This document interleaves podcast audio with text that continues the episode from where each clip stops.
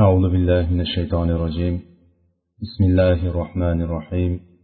الحمد لله رب العالمين والصلاة والسلام على أشرف الأنبياء والمرسلين وعلى آله وأصحابه أجمعين ومن تبعهم بإحسان إلى يوم الدين. السلام عليكم ورحمة الله. أما بعد رب اشرح لي صدري ويسر لي أمري واحلل عقدة من لساني يفقه قولي. وبه نستعين. Allohga hamd sanolar payg'ambarimiz sollallohu alayhi vasallamga salot durudlar bo'lsin. U kishini sahobalariga u kishiga yaxshilik bilan ergashgan to qiyomatgacha keladigan mo'minlarga alloh salomi saloti bo'lsin. Allohni marhamati bilan biz riyoz solihin kitobidan darslarimizni davom ettiramiz. Muroqaba bobida davom etayotgandik. Muroqaba ya'ni allohni doimo kuzatib turuvchi ekanligi bandalarini doim ko'rib turuvchi ekanligi haqidagi bobda imom navaviy ikkinchi hadisni keltirdi ya'ni kitobni boshidan kelayotgan hadisimiz bizni kitobimiz bo'yicha oltmish ikkinchi hadis bu bobimizni ikkinchi hadisi عن أبي ذر جندب بن جنادة وأبي عبد الرحمن معاذ بن جبل رضي الله عنهما عن رسول الله صلى الله عليه وسلم قال اتق الله حيثما كنت وأتبع السيئة الحسنة تمحها وخالق الناس بخلق حسن رواه الترمذي وقال حديث حسن bu hadisni bizga abu zar roziyallohu anhu bilan muoz ibn jabal roziyallohu anhular rivoyat qilyapti ekan payg'ambarimiz sollallohu alayhi vasallam aytdilarki qayerda bo'lsang ham qaysi joyda bo'lsang ham qanday holatda bo'lsang ham allohdan taqvo qilgin allohdan qo'rqqin va bir yomonlik qilib qo'yadigan bo'lsang unga yaxshilikni ergashtirginki u yomonlikni o'chirib tashlasin. Va odamlarga go'zal xulq bilan muomala qilgin dedilar. Bu termiziy rivoyat qilgan ekanlar. Imom termiziy buni hasan hadis degan ekanlar va buni imom alboniy rahimaulloh ham jomi sahirda sahih jomi sohirda keltirgan ekan. Ya'ni hadisimiz sahih darajasidagi ya'ni amalga muvofiq bo'lgan hadisimiz ekan. Bu hadisda biz birinchi har doimgi odatimizga ko'ra e, ozgina sahobiy roviy sahobiyni hayoti bilan u kishini ozgina siyrati bilan tanishib o'tadigan odatimizga ko'ra abu zar jundubni junada ya'ni biz bilganimiz abu zar al g'uforiy roziyallohu anhu mashhur sahobiy. Bu kishini asli ismi jundub ibn junada ekan. Shuning uchun ko'pchilik bilmaganligi sababli imom navaviyni o'ziga xos uslubini boshidan boshlab aytib kelyapmiz. O'sha sahobani tanilmagan ismi bilan lekin aslida mashhur bo'lgan o'zini asl ismini keltirib ketishligi yoki kunyasini keltirib ketishligi yoki laqabini keltirib ketishligi bu imom navaviyni o'ziga xos uslublaridan. Bu kishini ham abu zar deb turib jundubni junada deb turib tanishtirib ketdi bizga abu zar roziyallohu anhu o'zi g'ifor qabilasiga mansub bo'lgan kishi bo'lgan. G'afor qabilasi bu yamandagi g'afor oilasiga g'afor qabilasiga tegishli. Bu kishi dinga ilk kirganlardan islomga ilk kirgan kishilardan dastlabki kishilardan hatto ya'ni yanada aniqroq qilib aytadigan bo'lsak beshinchi bo'lib islomga kirgan sahobalardan bittasi ya'ni payg'ambarimiz sollallohu alayhi vasallamga payg'ambarlik kelgandan keyin ma'lum bir odamlargina sanoqli qo'l bilan sanasam barmoqlar ortib qoladigan darajadagi odamlar islomni qabul qildi. Boshida bilamiz biz maxfiy da'vat bo'ldi lekin o'sha maxfiy da'vat bo'lgan paytda ham nima bo'ldi? Insonlar islomni qabul qildi va o'sha payg'ambarlik kelganligi islomni olib kelinganligi haqidagi xabar hamma joyga tarqalib ketib bo'luvdi o'shanda. Ya'ni payg'ambar sollallohu alayhi vasallam chiqib turib tog'iga chiqib turib hammasini hamma quraysh chaqirib turib o'zlarini yaqinlarini chaqirib va anzir ashiratakal aqrobin o'zizni yaqinlaringizni ogohlantiring do'zaxdan ogohlantiring oxirat kunidan ogohlantiring degan oyat tushgan paytda hammasini chaqirib turib aytgandilar mana bu tog'ni orqasidan hozir dushman bostirib kelyapti deydigan bo'lsam ishonasizlarmisan? Albatta ishonamiz deyishadi. Men unday bo'ladigan bo'lsa meni alloh taolo payg'ambar qilib jo'natdi degan paytda bular hammasi hafsalari uchib katraklari uchib ketuvdi o'shanda. Ya'ni o'shandan boshlangandiki butun quraysh va butun makka ahli va makka ahlidan tashqarida bo'lganlarga ham bu gaplar tarqalgandi va o'sha paytdan boshlab turib payg'ambarimiz sollallohu alayhi vasallamga laqablar qo'yilgan. Ya'ni sobiiy degan shu adashgan yo bo'lmasam boyagi aytayotgandek sobiiy degan paytda o'sha paytlar farishtalarga sig'inib yuradigan kishilarni ham shunaqa deyishgan. Ya'ni aynigan degan ma'noda sobiiy deb turib ota bobolarini dinni tark qilgan kishini shunaqa deb atashardi. Shunday qilib atalgan holat bo'lgan. Mana bu holatda abu zar roziyallohu anhu o'zini hayotlarini anglatib berganda o'zlari tushuntirib berganlarida o'sha qanday islomga kelganligini aytib berganligida ikki xil rivoyat keladi o'zi. Bu ikki xil rivoyat ham e, bittasini ibn abbos roziyallohu anhu rivoyat qilib bersa bittasini o'zini jiyanlari rivoyat qilib beradi. Bu ham ikkalasi ham o'zimizni e, sahih kitoblarimizda buxoriy va muslimni kitoblarida kelgan. O'shandan ba'zilarini tanishtirib o'tadigan bo'lsak abu zar roziyallohu anhu o'sha xabar yetib kelgan paytda ukasi unaysni makkaga jo'natadi borib turib ani o'sha osmondan xabar kelayotgan kishi haqida menga surishtirib qaytib kelgin deb turib uni jo'natib yuboradi borib turib faqat shuni bilginda qaytib orqangga unays yo'lga chiqadida borib makkaga borib payg'ambarimiz sollallohu alayhi vasallamni ba'zi bir gaplarini eshitib o'sha yerda ko'rib keyin abu zarni yoniga qaytib keladi. Qaytib kelganda abu zardan so'raydi. Abu zar undan so'raydi. Nimalarni ko'rding? U nima deyapti degan paytda u kishi bir go'zal axloqlarga buyurayotgan ekan. Bir go'zal axloqlarga chaqiryapti ekan. Va gaplariga quloq solsam u she'rga o'xshamayapti uni gaplari deydi. Ya'ni unays abu zarni ukasi unays shoirlardan bo'ladi. Ya'ni she'rni vaznlari bormi she'rni qofiyalari bormi nimasi bo'lsa she'rni yaxshi biladigan ya'ni uni eshitib kelgandan keyin u she'rga o'xshamayapti deydi. Abu zar aytadiki shunigina olib kelding bor yo'q shuni olib kelding. Bu narsa yetarli emas yetarli ma'lumot olib kelmabsan deydida oziq ovqatini tayyorlab yo'l hozirligini ko'rib meshina suv to'la meshina orqasiga orqalab makkaga qarab yo'lga chiqib ketadi. Makkaga kelgandan keyin masjidga boradi. Masjidga borib turib masjid deganimizda kabani atrofiga keladi. Kabani atrofiga keladida payg'ambar sallallohu alayhi vasallam qidirib boshlaydi yana bir qiziq joyi abu zar payg'ambarimiz sollallohu alayhi vasallam umuman ko'rmagan oldin.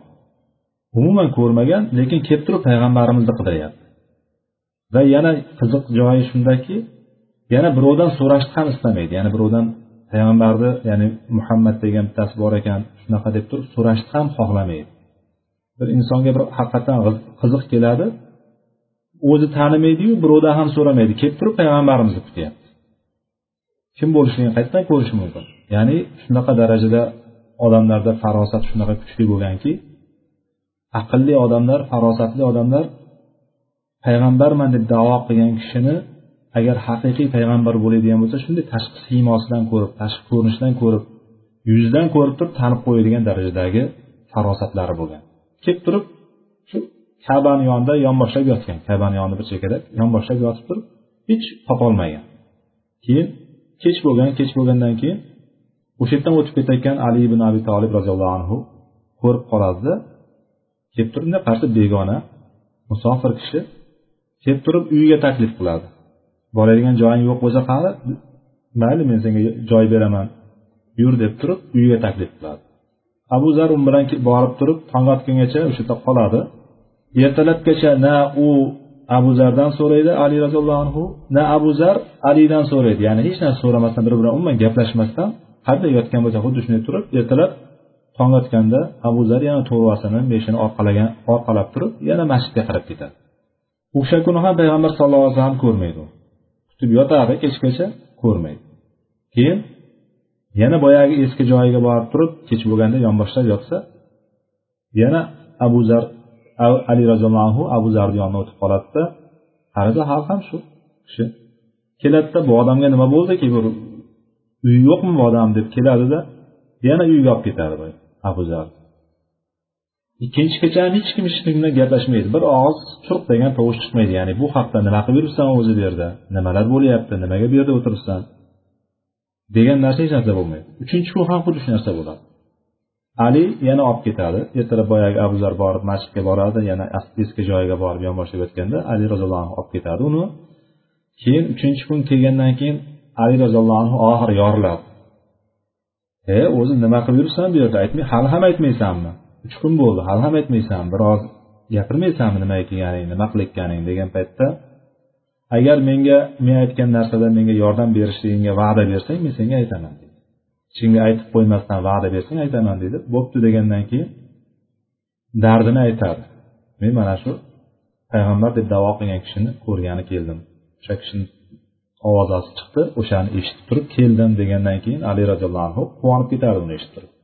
Ali roziyallohu anhu aytadiki muhammad sallallohu alayhi vasallam haq ekanligi va uni allohning rasuli ekanligini unga aytadi keyin ertalab tong otganda deydi men bilan birga yurasan menga ergashib barobar ketasan orqamdan yurasan faqat deydi. Men qayoqqa borsam shu yoqqa borasan deydi.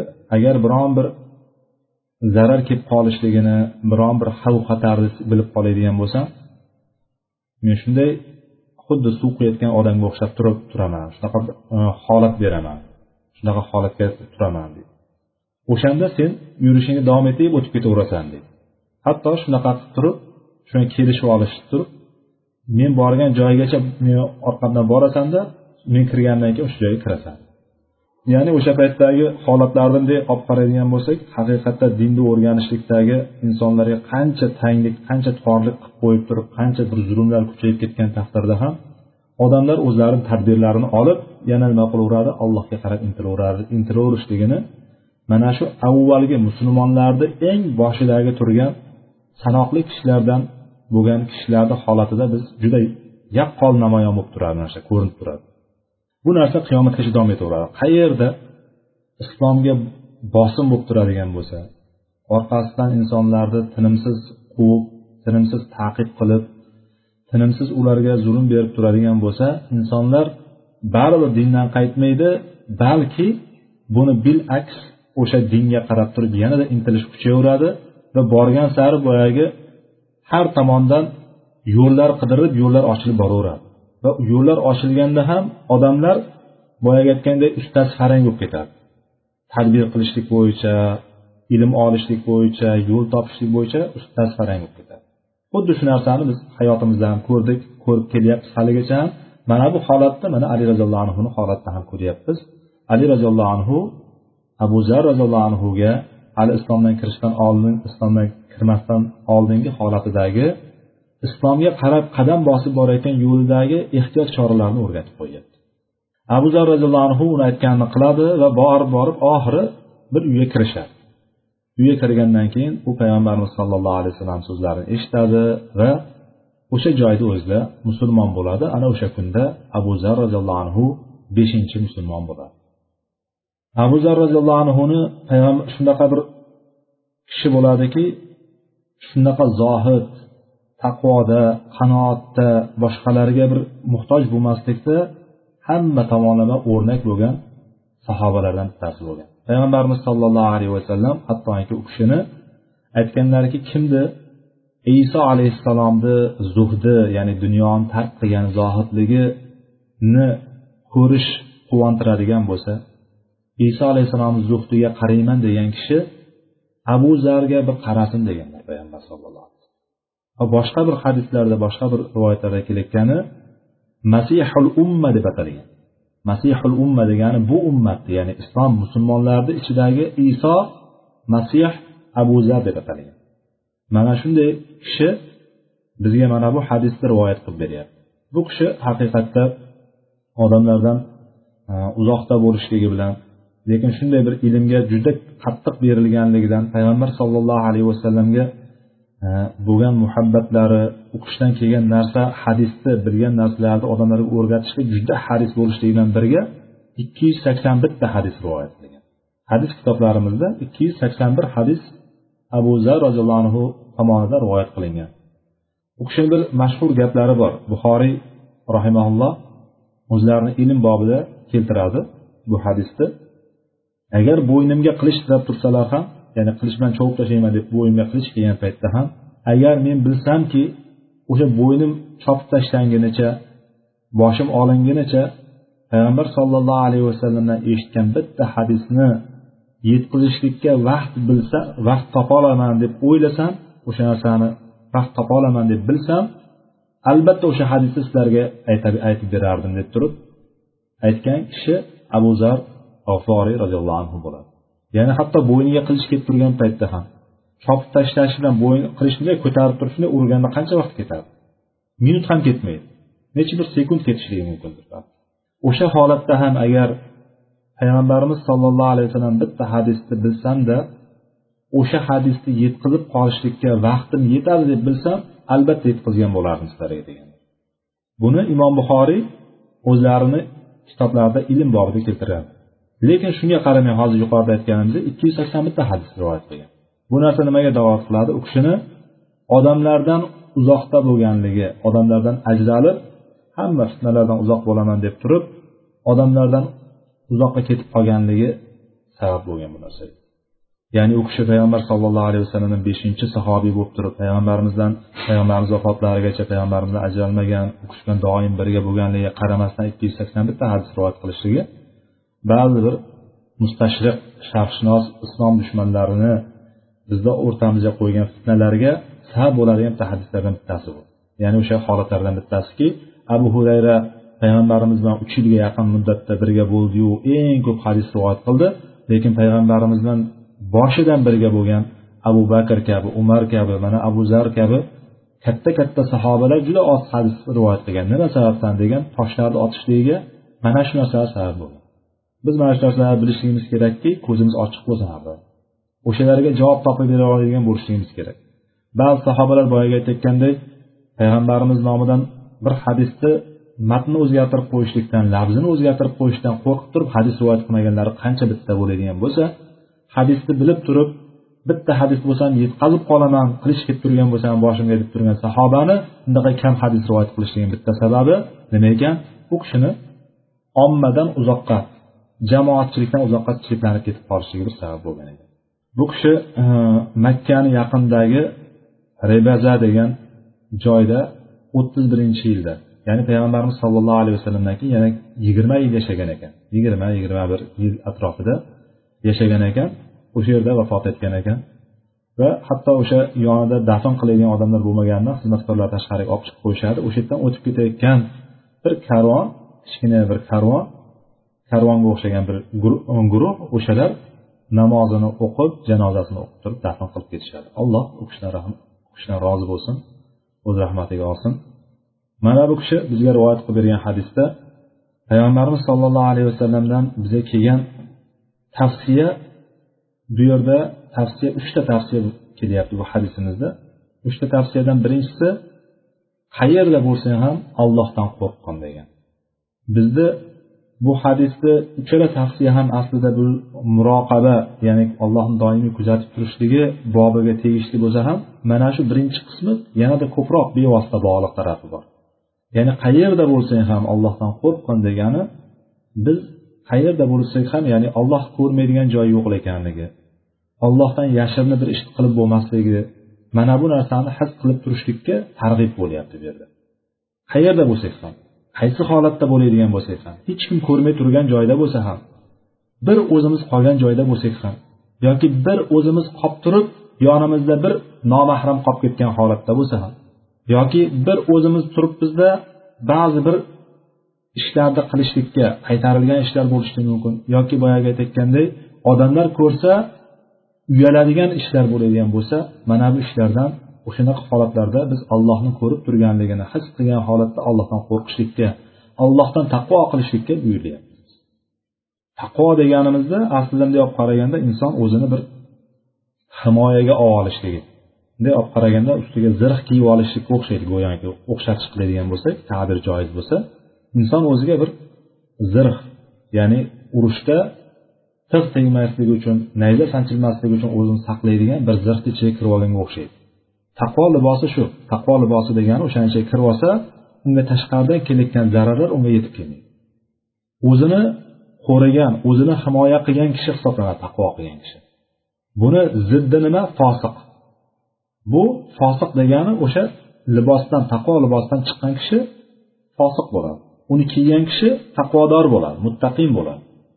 Bu bitta bitta ma'no berishlik bo'ladigan bo'lsa taqvoni asli ma'nosi ollohni buyurgan buyruqlarini joyiga keltirib amal qilishlik olloh qaytargan ishlardan qaytishlik.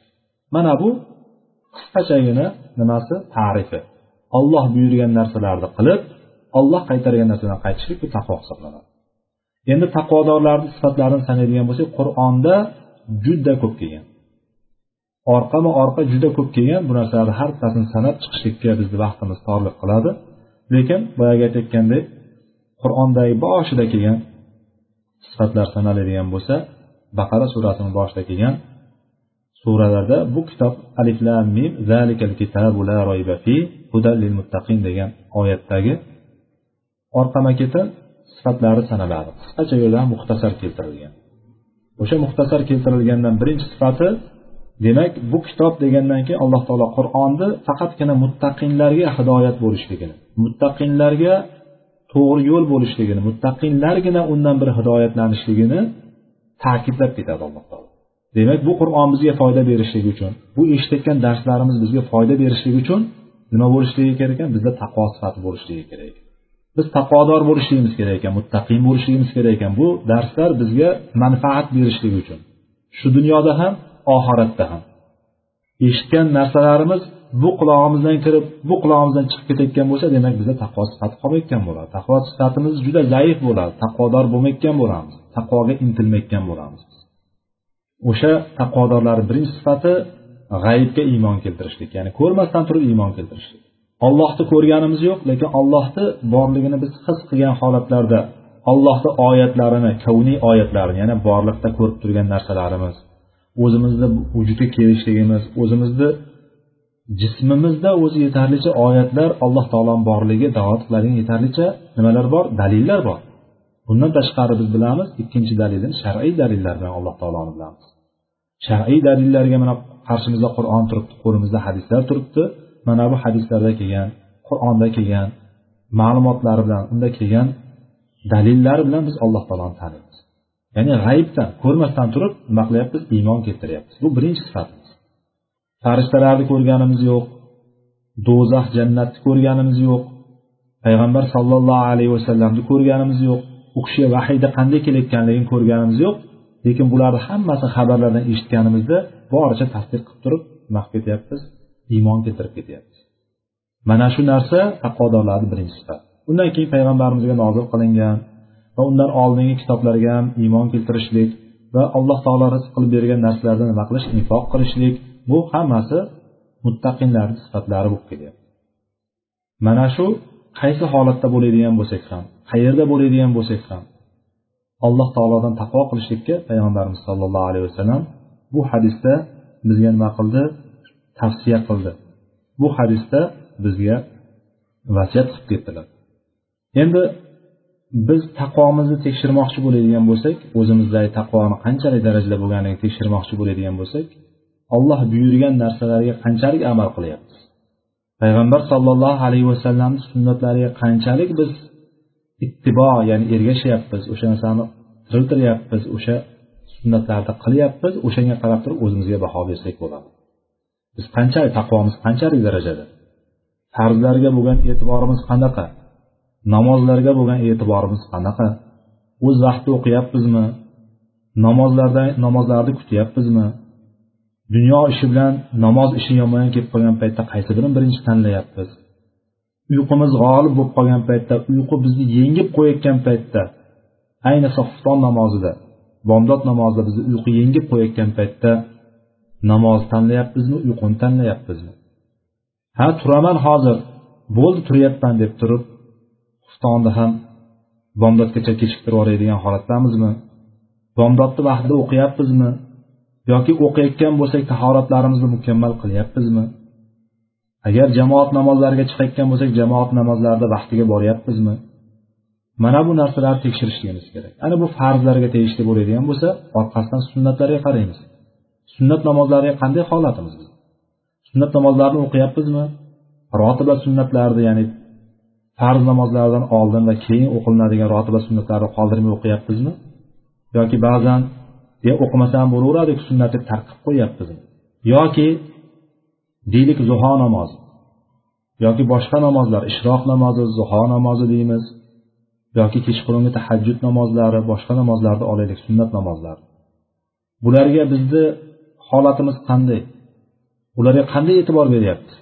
O'shanga qarab turib biz o'zimizdagi holatni o'zimizdagi taqvomizni bilib olishligimiz mumkin.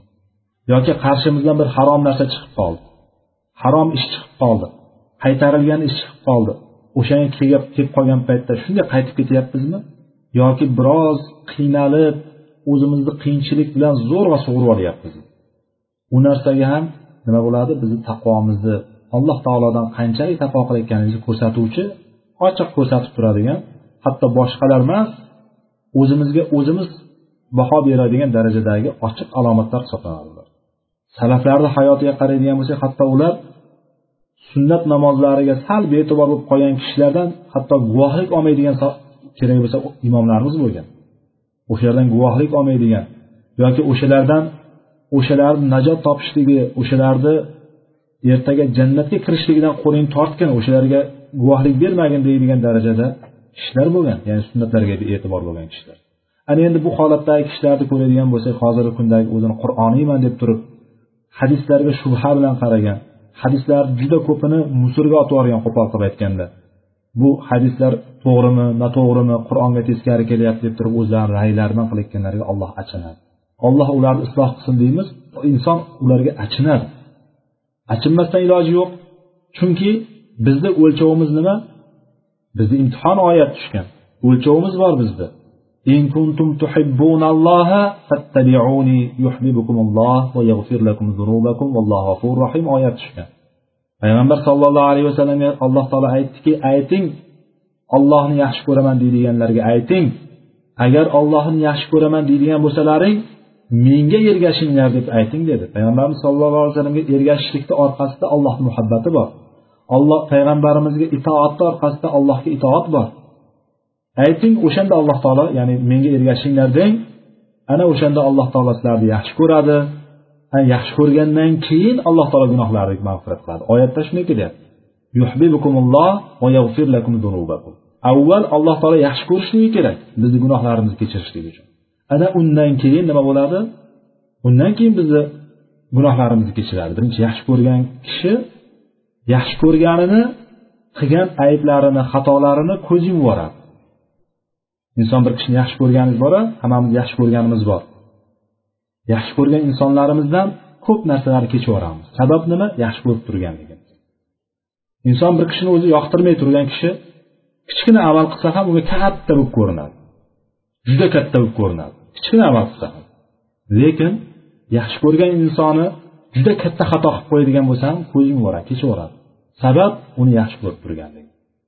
Demak alloh taolo bizni yaxshi ko'rishligi uchun alloh taolo bizga rahm qilishlik uchun o'zi rahmatiga olishlik uchun bizni gunohlarimizni kechirishlik uchun nima? Biz payg'ambar sollallohu alayhi vasallamga ergashishlikka u kishini sunnatlarini tiriltirishlikka u kishini aytgan gaplarini olib qaytargan gaplaridan tiyishlikka buyurilganmiz mana bu narsa taqvoni tashkil qilar ekan inson taqvodorman degan kishi mana shu ollohni buyurgan narsalari va qaytargan narsalariga albatta allohni buyurgan va qaytargan deganni ichiga payg'ambar sollallohu alayhi vasallam buyurgan va qaytargan narsalar ham kirib ketadi.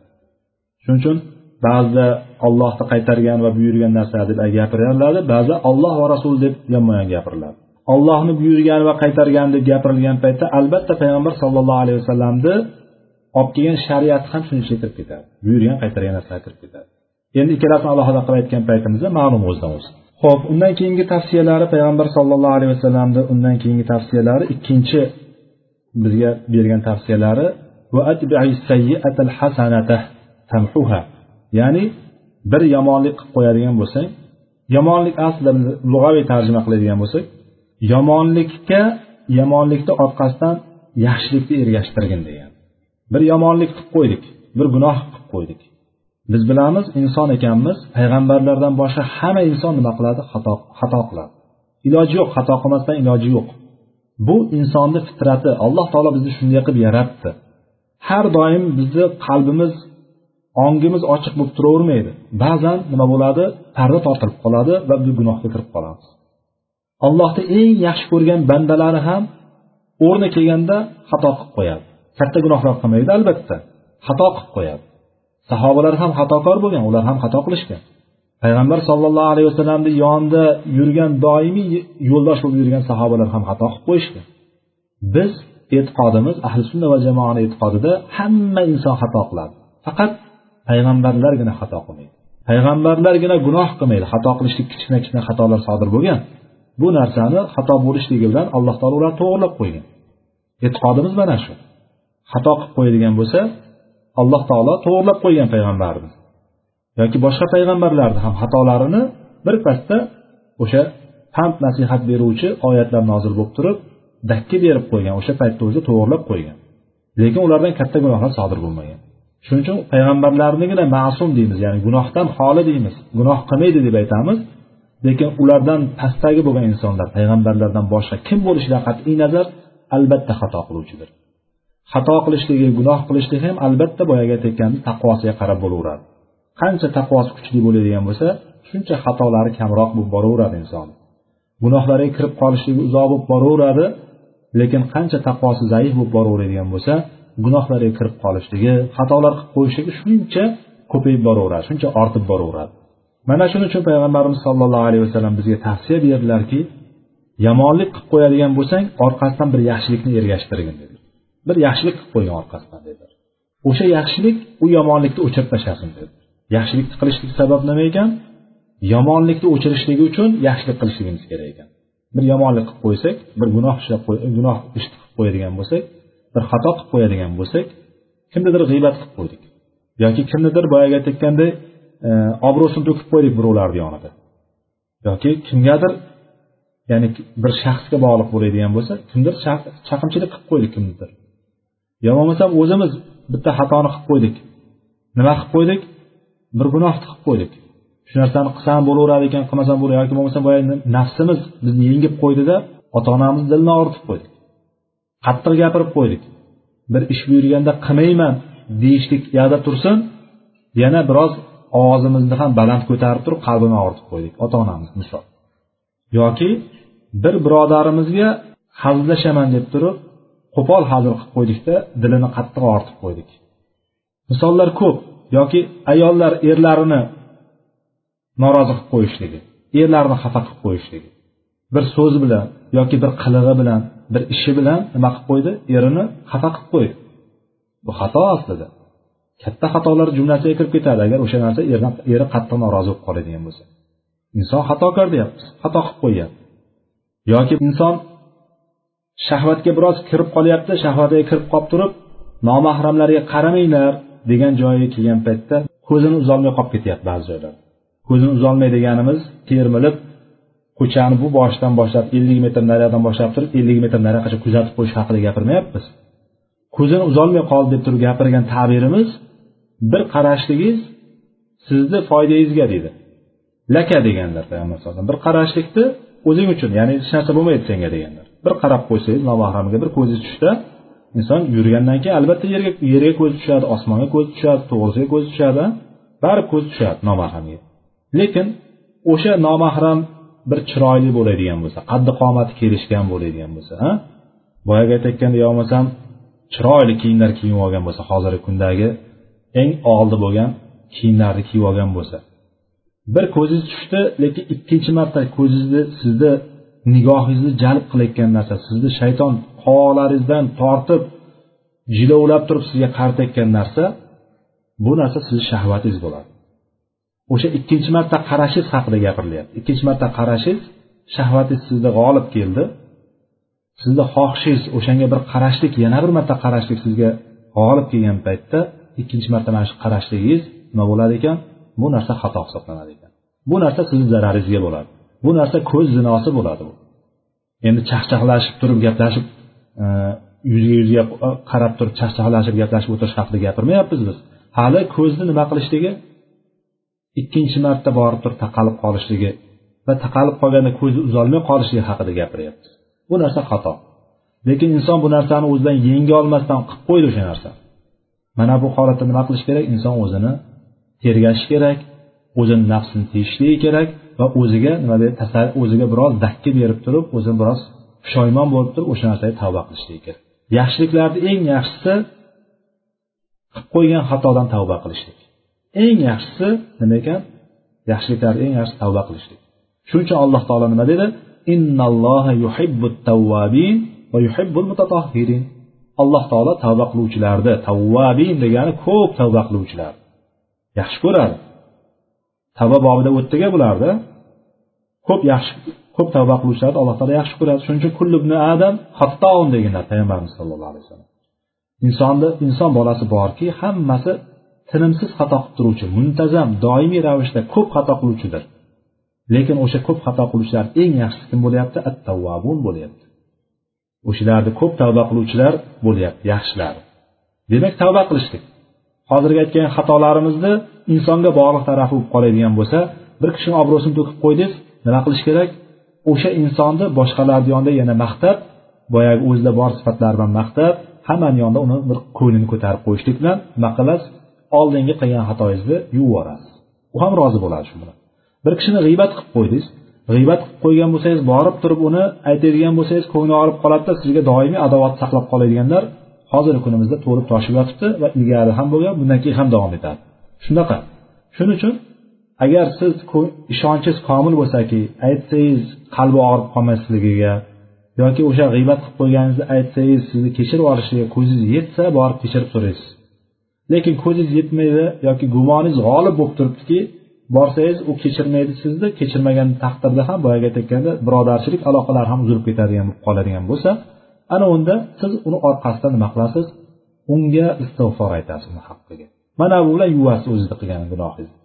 Boyagi aytayotganda eringizni xafa qilib qo'ydingiz. Eringizni ko'nglini olasiz. Eringizni xafa qilib qo'ygan bo'lsangiz qanday xafa qilgan bo'lsangiz o'shandan ortiqroq darajasida nima qilasiz? Ko'nglini olishga yo'l topasiz. O'shan bilan qilgan xatoyingizni yuvasiz endi boyagi aytayotganday narigi tarafi bo'ladigan bo'lsa alloh bilan sizni o'rtangizdagi gunohlarga kelib qoladigan bo'lsak ana unda tavba qilasiz. Mana bu narsa bilan yuvasiz. Alloh taolo aytdiki innal hasanat sayiat deb albatta hasanotlar ya'ni yaxshi amallar solih amallar nimani? Sayyiot ya'ni xatolarni gunohlarni yuvib o'chirib tashlaydi. Ketqizadi deyapti alloh taolo. Yuzhibna degani yo'q qilib tashlaydi ketqizib yuboradi shuning uchun biz qilgan ishga payg'ambarimiz sollallohu alayhi vasallam aytayotgani yomonlik qilib qo'yadigan bo'lsang bir gunoh xato ish qilib qo'yadigan bo'lsang orqasidan bir yaxshilik qilginki o'sha yaxshilik nima qilsin? Yomonlikni o'chirib tashlasin dedilar. Bu ikkinchi tavsiya bo'ldi uchinchi tavsiyaga keladigan bo'lsak payg'ambarimiz sallallohu alayhi vasallam aytdilarki hasan dedilar. Insonlarga go'zal muomalada bo'lgin dedilar. Insonlarga go'zal muomalada bo'lgin. Insonlarga go'zal muomalada bo'lishlik ham alloh taoloni kuzatib turishligini his qilgan holatda bo'lishligi bilan yanada go'zallashadi yanada go'zallashadi. Inson odamlarga chiroyli muomalada bo'lishlik eng afzal amallardan bittasi hisoblanadi. Hatto payg'ambar sollallohu alayhi vasallam marhamat qilganlarki deganlar.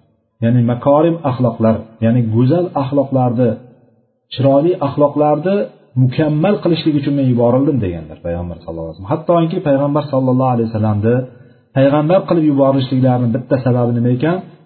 Axloqlarni go'zal qilishlik bo'lgan ekan. O'sha go'zal axloqlarni tamomiga yetkazishlik mukammal qilishlik ekan. Biz yuqorida aytgan oyatimizda nima dedik?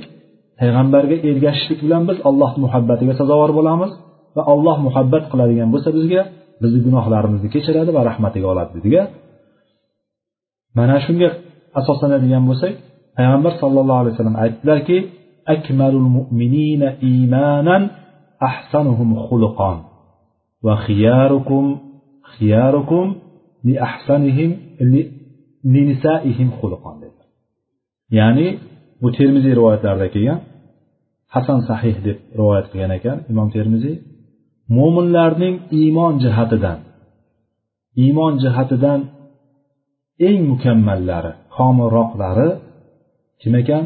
Ahsanuhum xuluqon go'zal xulqlilari dedilar. Go'zal xulqlilari ekan. Iymon jihatidan go'zal iymoni kuchli bo'lgan haqiqiy musulmon haqiqiy mo'minligi kuchli bo'lgan alloh nazarida qadrga ega bo'lganlarni eng mukammali kim ekan? Go'zal xulqlilari ekan. Bu hadisda kelyapti sahih hadisda kelyapti. Xulqni go'zal bo'lishligi iymonni nimasi ekan? Iymonni mukammalligiga dalolat ekan. Odamlardan qilayotgan muomalangiz kim bilan bo'lishligidan qat'iy nazar. O'tgan darslarimizdan qayta qayta aytyapmiz va bundan keyin ham qayta qayta aytishda davom etaveramizki hatto o'sha narsa bizni nima qalblarimizga yozilib qolsin o'sha narsa. Aqllarimizda doimiy turadigan bo'lib qolsinki bir kishi bilan muomala qilayotgan paytimizda nima uni boyligiyu badavlati badavlatligi yoki boyagi aytayotgan tashqi ko'rinishi chiroyliligi kiyib olgan kiyimi yoki nasabi yoki bir joydan ekanligi yoki shaharda shaharlik ekanligi yoki boyagi aytayotganimizdek ilmli yoki ilmsiz ekanligi emas biz nimasiga qarab turib inson ekanligi uchun o'sha narsani ko'p ham agar mo'min bo'ladigan bo'lsa o'shani mo'minlik sifati bilan biz nima qilishligimiz kerak? Muomala qilishlikka buyurilganmiz o'sha mo'minligiga yarasha biz muomala qiladigan bo'lsak go'zal muomala qiladigan bo'lsak har doim yaxshi muomala qiladigan bo'lsangiz nima bo'ladi? Albatta siz ham yaxshilik ko'rasiz. Shu dunyoni o'zida berilayotgan bu mukofot bu. Siz yaxshi muomala qiling bittasiga albatta yaxshilik ko'rasiz. Kamdan kam boyagi aytayotganda yaxshilik qilsa yomonlik qiladiganlar kamdan kam uchrab turadi. Lekin ko'p nisbati olib boradigan bo'lsak kengaytirib oladigan bo'lsak nima? Yaxshi amal yaxshi muomala qiladigan bo'lsangiz bittasiga albatta yaxshi yaxshilik ko'rasiz.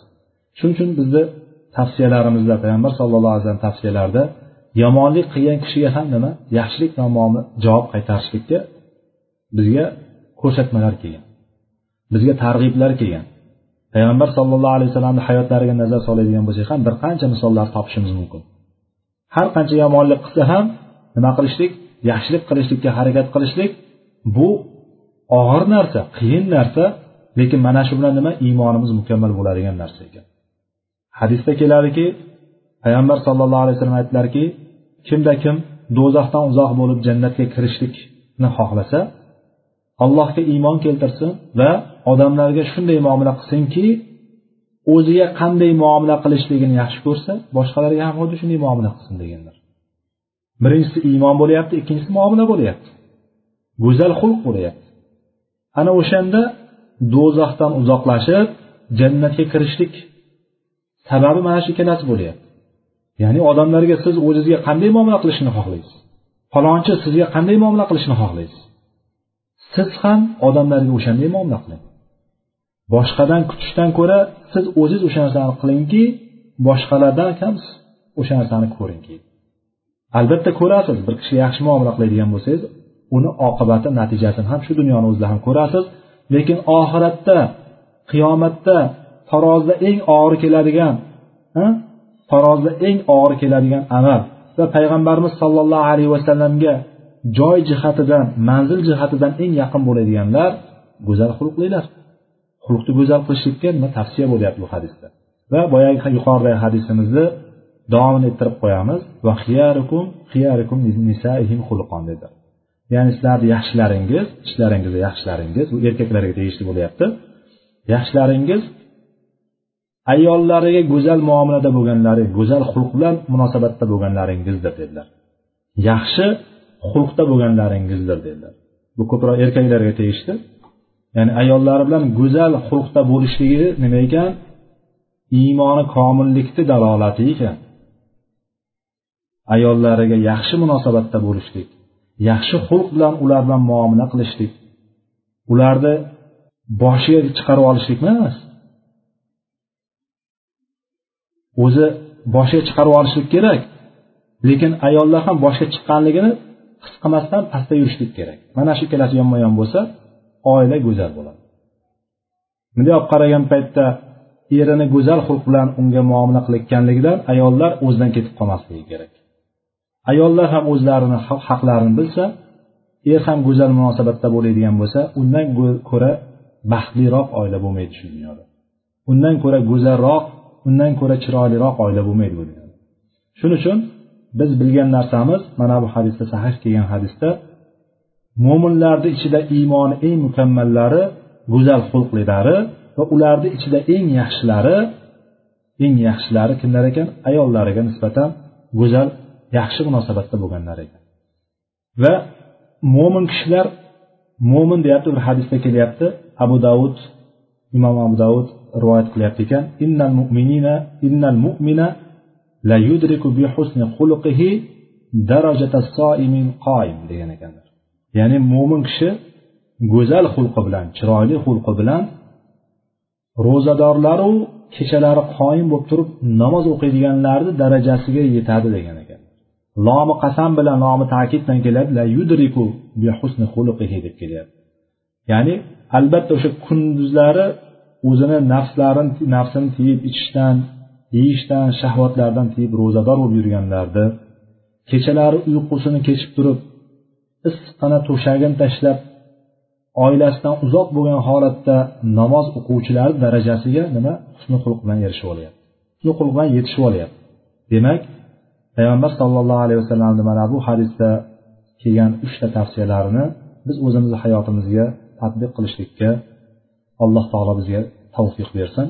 Undan keyingi hadisimiz oltmish uchinchi hadisimiz bu bobni uchinchi hadisi ibn abbos roziyallohu anhudan rivoyat qilinyapti كنت خلف النبي صلى الله عليه وسلم يوما فقال يا غلام إني أعلمك كلمات احفظ الله يحفظك احفظ الله تجده تجاهك إذا سألت فاسأل الله وإذا استعنت فاستعين بالله واعلم أن الأمة لو اجتمعت على أن ينفعوك بشيء لم ينفعوك إلا بشيء قد كتبه الله لك وإن اجتمعوا على أن يضروك بشيء لم يضروك إلا بشيء قد كتبه الله عليك رفعت الأقلام وجفت الصحف رواه الترمذي وقال حديث حسن صحيح bu hadis ham imom termiziy rivoyat qilgan ekan imom termiziy bu hadisni hasan sahih degan ekanlar ibn abbos roziyallohu anhu anhumo bizga rivoyat qilib beryapti ibn abbos roziyallohu anhu haqida biz e, oldingi darslarimizda tanishgandik shuning uchun bu yerda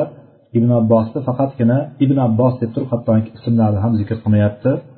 Imom navaviy yuqorida oldin bizga tanishtirib ketganligi uchun. Abdulloh ibn abbos degan paytimizda har doim biz abdulloh ibn abbos roziyallohu anhuni ko'z oldimizga keltiramiz. Ya'ni sahobalar ichida ibn abbos desa har doim abdulloh ibn abbos nazarda tutiladi zero abbos roziyallohu anhuni ya'ni payg'ambarimiz sallallohu alayhi vasallam amakilarini bir nechta o'g'illari bo'lishiga qaramasdan ibn abbos degan paytimizda har doim abdulloh ibn abbos bizni ko'z o'ngimizga kelar ekan. Abdulloh ibn abbos yuqorida aytgandikki nima degandik abodila ya'ni islomdagi hadisshunoslarni muhaddislarni nazarida bo'lgan abdullohlar deb nomlangan va o'zlariga o'ziga yarasha bir maqom o'laroq sanalgan to'rt abdullohni bittasi bo'lgan abdulloh ibn abbos bizga rivoyat qilib beryaptilar. Bu kishi bilamiz yosh sahobalardan bittasi. Payg'ambar sallallohu alayhi vasallam olamdan o'tgan paytlarida endi balog'atga yetgan yoshda bo'lgan. Ya'ni o'n to'rt o'n besh yosh atrofida bo'lgan sahobalardan bittasi. Mana bu kishi aytib beryaptiki payg'ambarimiz sallallohu alayhi vasallamni kunlardan bir kun payg'ambarimizni sallallohu alayhi vasallamni orqalarida mingashgan holatda ketayotgandim dedilar. Ya'ni payg'ambarimizni holatlariga bir nazar solaylikda shu yerda. Payg'ambar sollallohu alayhi vasallam butun ummat uchun yuborilgan payg'ambar va payg'ambarlarni ham sayyidi ya'ni payg'ambarlarni ham ichida eng afzallari bo'lgan va insoniyatni ichida eng oldida bo'lgan peshvosi bo'lgan taqvodorlarni imomi bo'lgan payg'ambarimiz sollallohu alayhi vasallam yosh bolalarni mingashtirib yurgan orqalari. Ya'ni o'sha e, eshakda yoki o'zlarini ulovlarda yurgan paytlarida hachirlarda yurgan paytlarida yosh bolalarni ham mingashtirib yurganlar. Hozir odamlar mingashtirib u tursin birga yurishlikka uyaladi ko'pchilik yosh bolalar bilan lekin payg'ambardek zot mana shunday kishi bo'lgan. U kishini tavozelari mana shu darajada bo'lgan. Bolalarni ham o'ziga yarasha o'rinlariga qo'ygan. Bolalar bilan ham suhbat qilgan. Ularni ham ko'nglini olgan. Ular bilan birga yurgan. Bu narsa yuqorida aytganimizdek payg'ambarimizni xulqlarini go'zal bo'lganligiga dalolat qiladi. Va alloh taolo aytganki albatta siz buyuk xulq ustidasiz degandir alloh taolo. Oysha onamiz aytganki payg'ambarimiz sallallohu alayhi vasallamni xulqlari qur'on edi degan. Biz bo'lsak payg'ambar sallallohu alayhi vasallamga ergashishlikka buyurilganmiz yana qaytaramiz ergashishlikka buyurilganmiz. Ergashishlik bilan alloh muhabbatiga erishamiz. Demak biz payg'ambarimizdan o'rnak olishligimiz kerak. Bu kishi shu payt dedilarki payg'ambarimiz har bir vaqtdan unumli foydalanganlar. O'sha mingashib ketayotgan holatda ham aytdilarki ey bolaginam deb ey bola dedilar. Ya g'ulam dedilar. Ey bolakay dedilar. Men senga bir nechta kalimalarni o'rgatib qo'yaman. Bir nechta kalimalarni o'rgatib qo'yaman. Inni uallimuka kalimat men senga bir nechta kalimalarni o'rgatib qo'yaman dedilarda davom etdilar gaplarini. Ihfazillaha yahfazka. Allohni muhofaza qil. Ya'ni bu yerda bevosita ollohni muhofaza qil deb kelyapti. Lekin biz bilamiz ollohni muhofaza olloh muhofazaga nima emas? Olloh muhofazaga muhtoj emas. Bu yerdagi ko'zlangan narsa allohning dinini va shariatini muhofaza qilishlik rioya qilishlik nazarda tutilyapti deb turib ulamolarimiz buni sharh bergan ekan. Biz ham mana shu shartni ma'qul ko'rib turib aytamizki ollohning dinini allohning shariatini nima qilgin? Muhofaza qilgin rioya qilgin. Alloh taolo seni muhofaza qiladi. Alloh taolo seni saqlab qo'yadi. Ya'ni alloh taoloni saqlashligi nima bilan bo'ladi? Agar siz dinni allohni dinini shariatini mahkam ushlaydigan bo'lsangiz alloh va rasuli qaytargan narsalardan tiyilib buyurgan narsalarda amal qilib yuradigan bo'lsangiz alloh taolo sizni saqlab qo'yadi. Nimadan saqlab qo'yadi? Alloh taolo nimadan himoya qilib qo'yadi? Alloh taolo birinchi bizni badanimizni ya'ni jismimizni himoya qilib qo'yadi muhofaza qilib qo'yadi. Bizni aqlimizni himoya qilib qo'yadi. Bizni mol dunyomizni bizni ahlimizni alloh taolo muhofaza qiladi nima qiladi? Himoya qilib qo'yadi. Ana undan keyin eng asosiylardan bittasi bo'lgan dinimizni muhofaza qilib qo'yadi. Olloh dinini mahkam ushlang siz alloh taolo sizni adashtirmaydi. Siz haqqa qarab turib yuring alloh taolo sizga haqni ko'rsatib qo'yadi. Ta'lim olaman deb turib harakat qiling alloh taolo sizga ta'lim berib qo'yadi. Dinni o'rganaman deb turib harakat qiling alloh taolo sizga ustozlarni ham berib qo'yaveradi. Shuning uchun alloh taolo aytdiki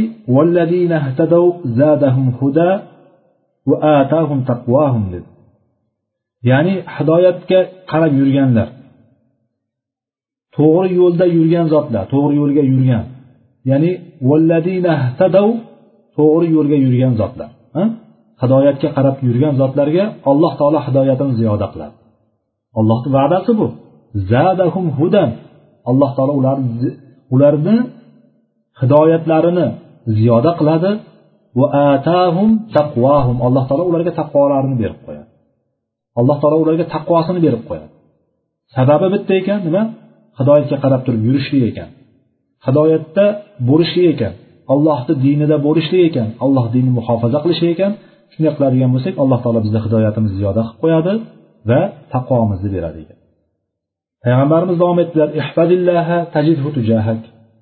agar ollohni dinini shariatini muhofaza qiladigan bo'lsang ollohni qarshingda topasan dedilar.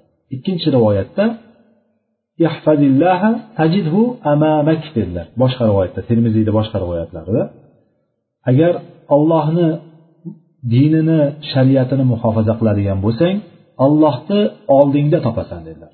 Ya'ni ollohni oldingda topasan degani alloh taolo sizga barcha yaxshiliklarni ko'rsatib qo'yishligi va barcha yomonliklardan sizni saqlab qo'yishligidir. Mana shu alloh taoloni qarshisida topishligingiz mana shu hisoblanadi. Alloh taolo sizga yaxshiliklarni muyassar qilib qo'yadi. Yaxshilik qilaman deb turib yaxshilik yo'lini topolmay yurganlar qancha bitta alloh taolo kimgadir nasib qilyapti kimgadir yordam berishlik boshqalar qilyaptimi o'sha narsani? O'shalarga nasib qilmayapti yordam berishlik misol. Kimlardir moli bilan yordam beryapti? Kimlardir kuchi bilan yordam beryapti? Kimlardir aqli bilan ya'ni maslahati bilan yordam beryapti kimlargadir? Alloh taolo ularga o'sha yaxshilikni muyassar qilib qo'yganligi bu. Bo'lmasam yaxshilikka muhtoj bo'lgan yordamga muhtoj bo'lganlar son mingta. Lekin odamlar o'sha yaxshilikni topolmay yuribdi. Qancha qancha boyvachchalar borki pulini qayerga sarflashni bilmasdan yaxshilik yo'lini topaman deb topamanmikan deb turib qidirib izlanib yurganlar qancha bittasi bor. Kimlardir ularga tavsiya qiladi boshqa boshqa yo'llarga sarflanadi masalan. Lekin undan ko'ra yaxshiroq yo'llar bo'ladi alloh taolo muyassar qilgan kishigina muyassar bo'ladi unga. Ya'ni uning uchun allohni dinini shariatini mahkam ushlash kerakki alloh taoloni qarshisida topadi alloh taolo uni yaxshiliklarga yo'llab qo'yadi. Alloh taolo uni yaxshiliklarga yo'llab qo'yadi va yomonliklardan saqlab qo'yadi. Payg'ambarimiz davom etdilarki shunday ekan dedilar go'yoki yuqoridagi narsalarga ya'ni alloh taolo seni saqlab qo'yyapti mana himoya qilib qo'yyapti diningni obro'yingni jismingni ahlingni molingni himoya qilib qo'yyapti. Allohni dinini himoya qiladigan bo'lsang alloh taoloni qarshingda topyapsanda alloh taolo seni yaxshiliklarga yo'llab qo'yyapti bas shunday ekan degandek go'yoki hadisda. Shunday ekan so'raydigan bo'lsang faqat ollohdan so'ra. Bir narsa so'ramoqchi bo'ladigan bo'lsang faqat ollohdan so'ra. Agar yordam so'ramoqchi bo'ladigan bo'lsang faqat ollohdan yordam so'ra dedilar. Ikkita narsani aytdilar.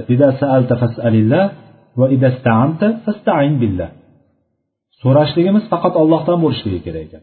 Sizga bir yordam keladigan bo'lsa birontasi yordam qiladigan bo'lsa yoki biron bir kasbingizdan rizq kelayotgan bo'lsa olloh beryapti uni. Birontasi olib kelib berayotgan bo'lsa ham birinchi ollohni eslashligimiz kerak biz. Birontasi sizga bir pul olib kelib beryapti yoki sizga yordam qilyapti yoki boshqa qilyapti birinchi o'rinda ollohni eslashligimiz kerak. Bu hadis muroqaba bobida kelishligini bitta sababi biz ollohni doimiy unutmasdan turishligimiz doimiy qalbimizda saqlab turishligimiz va so'raydigan bo'lsak faqat ollohdan so'rashligimiz. Bir musibat kelib qoldimi? Musibat qolishligini ollohdan so'raymiz. Bir yordam kerakmi? Ollohdan so'rashligimiz kerak. Faqirmizmi? Boylikni ollohdan so'raylik. Kasalmizmi? Shifosini ollohdan so'raylik. Albatta sabablarni ushlaymiz. Sabablarni biz tashlab yubormaymiz lekin sabablarni ushlagan paytimizda ham o'sha sabablar yuzaga kelgandan keyin beruvchi olloh ekanligini unutib qo'ymasligimiz nazarda tutilyapti bu yerda. Biz boshimizga bir tashvish tushib qolgan paytda qarzga botib qolgan paytimizda birinchi kallamizga keladigan bir kishi boy kishi bir tanishimiz aqlimizga kelmasin. Bu hadis taqozosi bizga birinchi o'rinda olloh aqlimizga kelsin. Ollohdan yaxshilab so'raylik.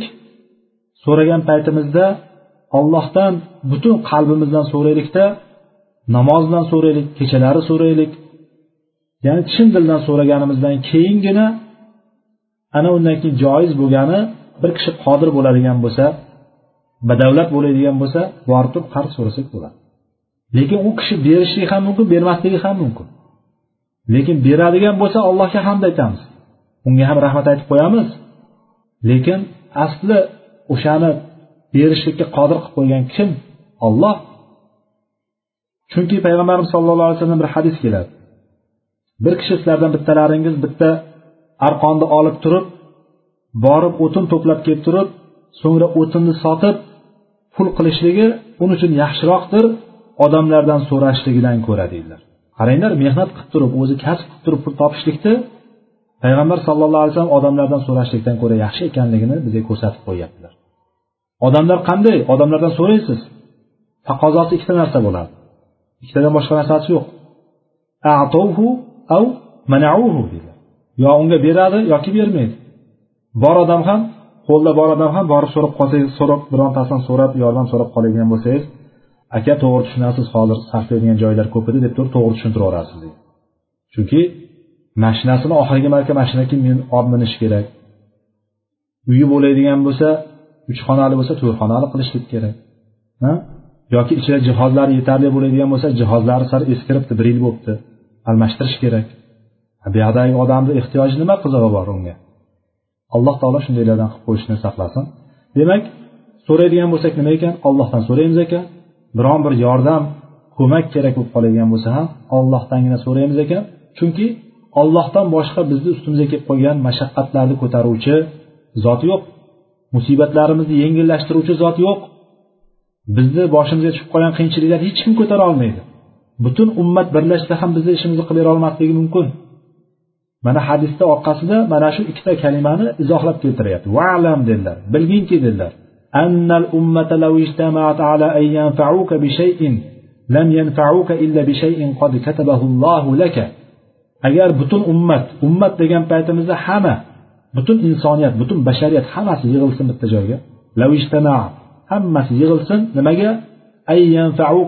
Biron bir narsada senga bir manfaat berishlikdi biron bir narsada senga foyda qilmoqchi bo'lib turib hammasi bir joyga yig'ilsinlar senga yordam bera olmaydilar dedilar. Lekin payg'ambarimiz shu gap bilan to'xtadilarmi to'xtaganda edi odamlar yordam beryaptiku degan davolarimiz chiqardi.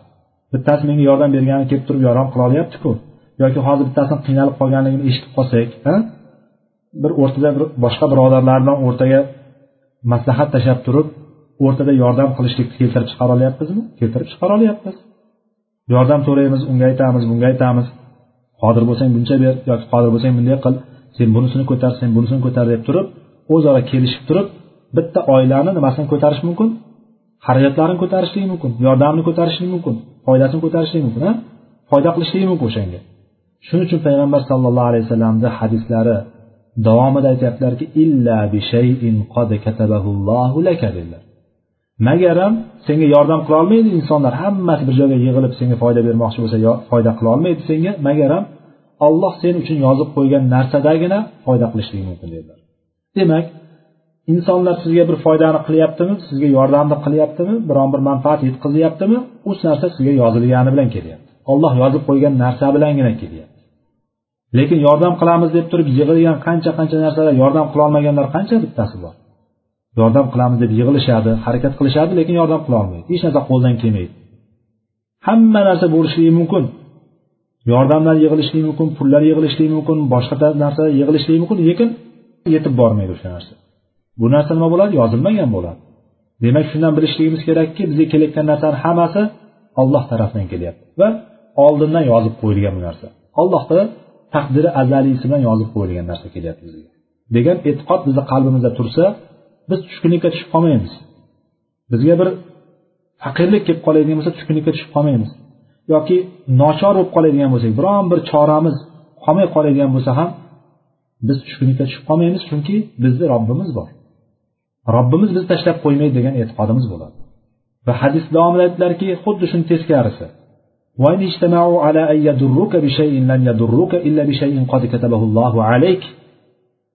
Agar o'sha ummat butun insoniyat bashariyat hammasi bir joyga jamlanib senga bir narsada yomonlik qilishlikka senga bir zarar yetkazmoqchi bo'lib turib jamlanishsalar senga zarar yetkaza olmaydi magaram senga alloh taolo yozib qo'ygan narsa bilangina zarar berishligi mumkin. Sizni orqangizdan qancha choh qazib yotganlar qancha? Sizni shu dunyoda bo'lmasligingizni sizni yoki shunday rohat farog'atda bo'lmasligingizni sizni tinch yurmasligingizni istaganlar qancha bo'lishligi mumkin lekin o'sha narsaga yetib kelmayapti. Sababi nima? Sizga yozilmaganligi uchun. Lekin inson har qancha sababini olib turib shuncha bir sabablarni orqasidan sabablarni to'ldirib hamma ishini qilishligi mumkin lekin zarar kelishligi mumkin. Nima bilan kelyapti zarar? Ollohni yozib qo'ygani bilan kelyapti. Hamma sabablarni qildi. Shu paytgacha bittasi yordam qilib keldi. Deylik hozirgi kundagi e, yordam beruvchi davlatlarni olaylik a o'zlaricha biz yordam beryapmiz deb turib shu qiynalib qolganlarga dini bilanmi irqi bilanmi deb turib yordam berishlikka to'plangan bir jamiyatlar bo'ladigan tashkilotlar bo'ladigan bo'lsa shu paytgacha yordam qilib kelgani ayni bir kunga kelgan paytda hech qanaqa qo'lda hech qanaqa kuchi kelmay qoladida yoki bo'lib turgan holatda bilib turgan holatlarda ularni zarariga ishlab turib zarariga harakat qilib turib o'zlarini yurtiga qaytarib berib yuboradi zulm ostiga berib yuboradi. Sababi nima? O'sha yozilgan narsadan bo'lyapti narsa. Bu narsadan qochib qutulib bo'lmaydi. Lekin inson nima qilishligi kerak? Harakat qilinaveradi nimaga? Yuqorida harakat qilaveradi. Alloh dinini mahkam ushlashga harakat qilaveradi. Buyurilgan narsalarni qilishlikka harakat qilaveradi. Qaytarilgan narsadan qaytishlikka harakat qilaveradi. Asli so'ralgan asli biz ma'mur bo'lgan asli bizdan talab qilingan narsa ham mana shu. Bundan ortiq narsa yo'q bizda. Bizdan shu narsa talab qilingan qolgani biz haqiqiy allohga tavakkul qilamiz alloh o'zi bizga kifoya qilib qo'yaveradi. Va hadisda aytdilarki rufiatil aqlam va jaffatis suhuf dedilar payg'ambar sallallohu alayhi vasallam. Ya'ni qalamlar ko'tarib bo'lingan ya'ni taqdiri ilohiyni payg'ambarimiz e, alloh subhanava taoloni yoz deb buyurgan buyrug'ini yozgan qalamlar o'sha payt ko'tarilib bo'lingan. Ya'ni qalam yozishdan to'xtagan taqdirlar insoniyatni yaratilishligidan to qiyomatgacha bo'ladigan va qiyomatdan keyin jannat do'zaxda bo'ladigan ishlarimizni hammasi nima qilingan? Lavhul mahfuzga alloh huzurida bo'lgan kitobga yozilib bo'lingan. Qalam yozib bo'ldi. Yozishdan to'xtagan shuning uchun qalam ko'tarilgan degani yozishdan ko'tarilgan to'xtab bo'lgan yozib bo'lgan. Va jaffati suhuf va yozilgan siyohlar ham qurib bo'lgan siyohlar qotib bo'lgan. Sahifalar qurigan degani sahifalarga yozilgan siyohlar bo'yalib ketmaydi endi o'chib ketmaydi yozib qurib bo'lgan o'shanda nima bo'ladigan bo'lsa bizni hayotimizda o'sha narsa yuzaga kelaveradi va hadisni ikkinchi lafzida bo'ladigan bo'lsa tajidhu amamak تعرف إلى الله في الرخاء يعرفك في الشدة واعلم أن ما أخطأك لم يكن ليصيبك وما أصابك لم يكن ليخطئك واعلم أن النصر مع الصبر وأن الفجر أن الفرج مع الكرب وأن مع العسر يسرا dedilar ya'ni bu hadisimiz yuqoridagi hadisni boshqa lafzi bo'lgani uchun ayni ma'nolarni qayta keltiradi faqat lafzlar boshqa boshqa yo'l bilan keladi ya'ni alloh taoloni dinini shariatini muhofaza qilsang rioya qilsang ollohni qarshingda topasan ollohni oldingda topasan ya'ni ollohni oldimizda topishligimiz yuqorida aytganimizdek alloh taolo bizga barcha yaxshiliklarni ko'rsatib qo'yishligi o'shalarga muyassar qilib qo'yishligi va barcha yomonliklardan bizni saqlab qo'yishligidir. Va aytdilarki taarrof ilalloh firraho kengchilikda mo'l ko'lchilikda xotirjamlikda rohat farog'atda bo'lgan paytingda ollohni tanigin dedi. Ollohni tanishlik nima bilan bo'ladi? Ollohni dinini bilishlik ollohni shariatini bilishlik ollohni qaytargan ishlarini qaytishlik qaytargan ishlardan qaytishlik va buyurgan ishlarini nima qilishlik qilishlik bilan bo'ladi. Taarrof ilalloh firraho degan ya'ni kengchilik paytida siz sadaqalar qiling kengchilik paytida bemalollik paytida allohga shukur qiling bemalollik paytida namozlarni ko'paytiring bemalollik paytida boshqalarga muhtojlarga yordam qiling qo'lingizdan kelgan hamma narsani qiling hamma yaxshilik ishlarni qilib qoling kengchilik paytida. Ana o'shanda yaribga shidda tanglik paytida qattiqchilik paytida qiyinchilik paytida alloh taolo sizni tanishligi alloh taoloni sizga yordam berishligidan bo'ladi. Ana shu qiyinchilik paytida bir paytlar siz odamlarga yordam qilib yurgan bo'lsangiz qiyinchilik paytida sizga ham alloh taolo yordam qilib qo'yadi bitta shaxsni qo'li bilan yoki boshqalar bilan yordam qilib qo'yadi sizga. Ollohni qiyinchilik paytida tanishligi bandasini tanishligi bandasiga yordam berishligi bo'ladi. Va aytdilarki payg'ambarimiz agar annama lam lam yakun senga biron bir senga kelmasligi aniq bo'lgan narsa annama axtoaka sendan xato qilgan narsa deb kelyapti hadisda. Senga kelmaydigan narsa kelmaydi dedilar. Kelmaydigan narsa ya'ni senga bir foydami zararmi sizga kelmasligi kerakmi? Lam yakun yusibak u senga u senga umuman kelmaydi dedilar. Kelmaydigani kelmaydi keladigani albatta keladi dedilar. Ya'ni biz o'zbekchalashtirib aytganda ya'ni senga senga keladigan narsa sendan xato qilmaydi degani senga albatta yetib keladi deyapti. Ya'ni demak shu e'tiqodda bo'lishligimiz kerakki bizga keladigan narsa albatta keladi kelmaydigan narsa albatta kelmaydi. Chunki bularni hammasi yuqoridagi hadisimizda yozib bitib bo'lingan. Taqdirimizdagi narsa bo'ladi. Butun ummat jamlansa ham bizga foyda bera olmasligi mumkin. Butun ummat jamlansa ham bizga zarar bermas bera olmasligi mumkin hamma narsa nima bilan bo'ladi? Taqdiri ilohiy bilan bo'ladi qadarimiz bilan bo'ladi. Va davom etdilarki valam sabr. Bilginki dedilar. Nusrat alloh taoloni yordami alloh taoloni qo'llab quvvatlashi nima bilan bo'ladi? Sabr bilan bo'ladi. Sabrga muhtoj. Demak bu biz bizga sabr qilishligimiz bo'ladi. Sabr qilmaydigan bo'lsak bizga nusrat kelmaydi albatta qiyinchilik bo'ladi. Nusratga erishishlik uchun alloh taoloni yordami kelishligi uchun bir musibatga tushib qoladigan bo'lsangiz bir qiyinchilikka tushib qoladigan bo'lsangiz allohni yordami kelishligiga albatta nima kerak? Sabr kerak. Jang maydonida turishlik uchun sabr kerak. Oyoqlar mustahkam turishligi uchun qadamlar mustahkam turishligi uchun nima kerak? Sabr kerak. ya ayyuhallazina amanu in tansurulloha yansurkum va yusabbit aqdamakum dedi ya'ni alloh taologa yordam bersalaring alloh taolo sizlarga yordam beradi deb kelyapti oyatda. Ey mo'minlar deb turib nima degani alloh taologa qanday yordam beramiz? alloh taoloni diniga yordam beramiz. alloh taoloni dinini oliy qilishlik uchun. alloh taoloni kalimasini oliy qilish uchun biz harakat qilamiz. Ana o'shanda alloh taolo bizga yordam berib qo'yadi va nima qiladi?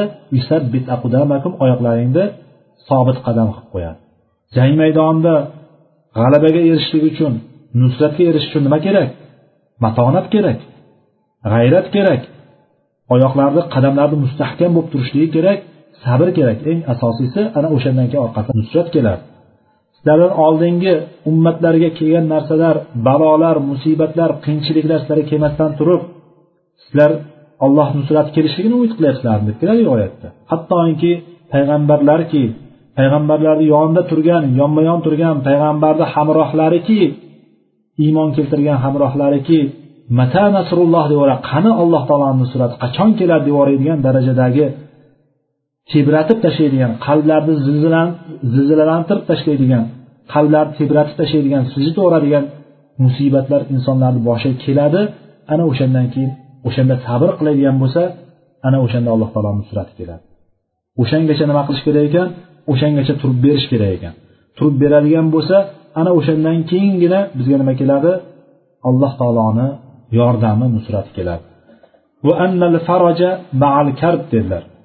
Endi qaranglar kengchilik kengchilik rohat farog'atni ko'p o'ylaymiz. Insonni qalbi borki insoniyat borki insonman degan kishi borki hammasi nima? Rohat farog'atda bo'lishlikni xohlaydi. Kenglikni xohlaydi. Hamma narsa keng bo'lsa hamma narsa muhayyo bo'lsa o'sha narsani xohlaydi. Lekin bu narsa o'z o'zidan bo'lmaydi ekan. Bu narsani ham orqasida nima bor ekan? Orqasidagi sabab bor ekan. Maal karb dedilar. Albatta mashaqqat bilan bo'ladi. Biz kenglikni eng kenglikni boyagi kenglikni qayerdan topamiz. Eng keng bo'ladigan narsani qachon topamiz? Eng keng bo'ladigan joyda faqatgina jannatda topamiz.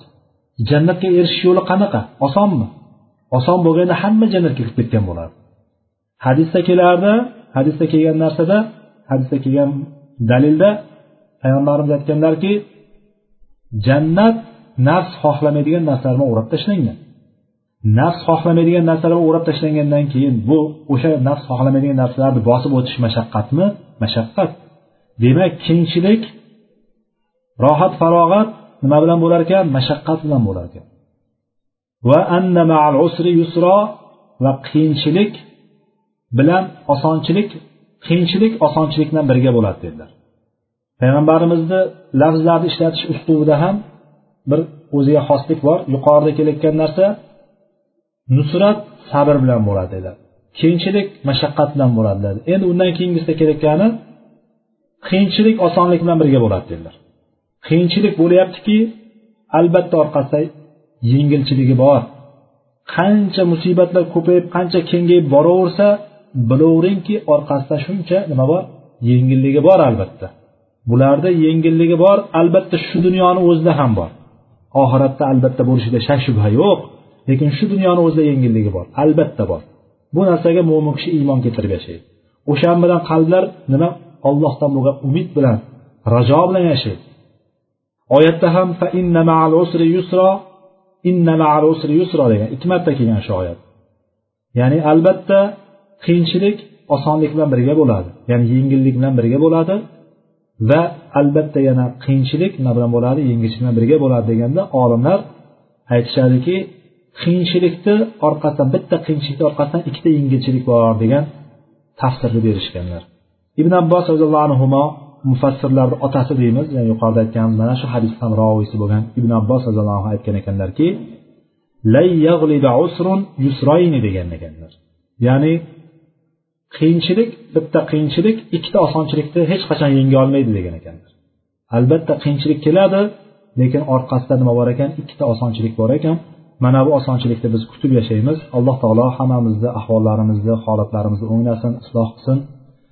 Mana bu eshitib o'qib turgan o'rganayotgan hadislarimiz oyatlarimizga alloh taolo amal qilishlikka tavfiq bersin alloh taolo bizni go'zal xulqlilardan qilsin gunohlarimizni mag'firat qilsin وصلى الله وسلم على نبينا محمد وعلى آله وأصحابه أجمعين وآخر دعوانا أن الحمد لله رب العالمين والسلام عليكم ورحمة الله وبركاته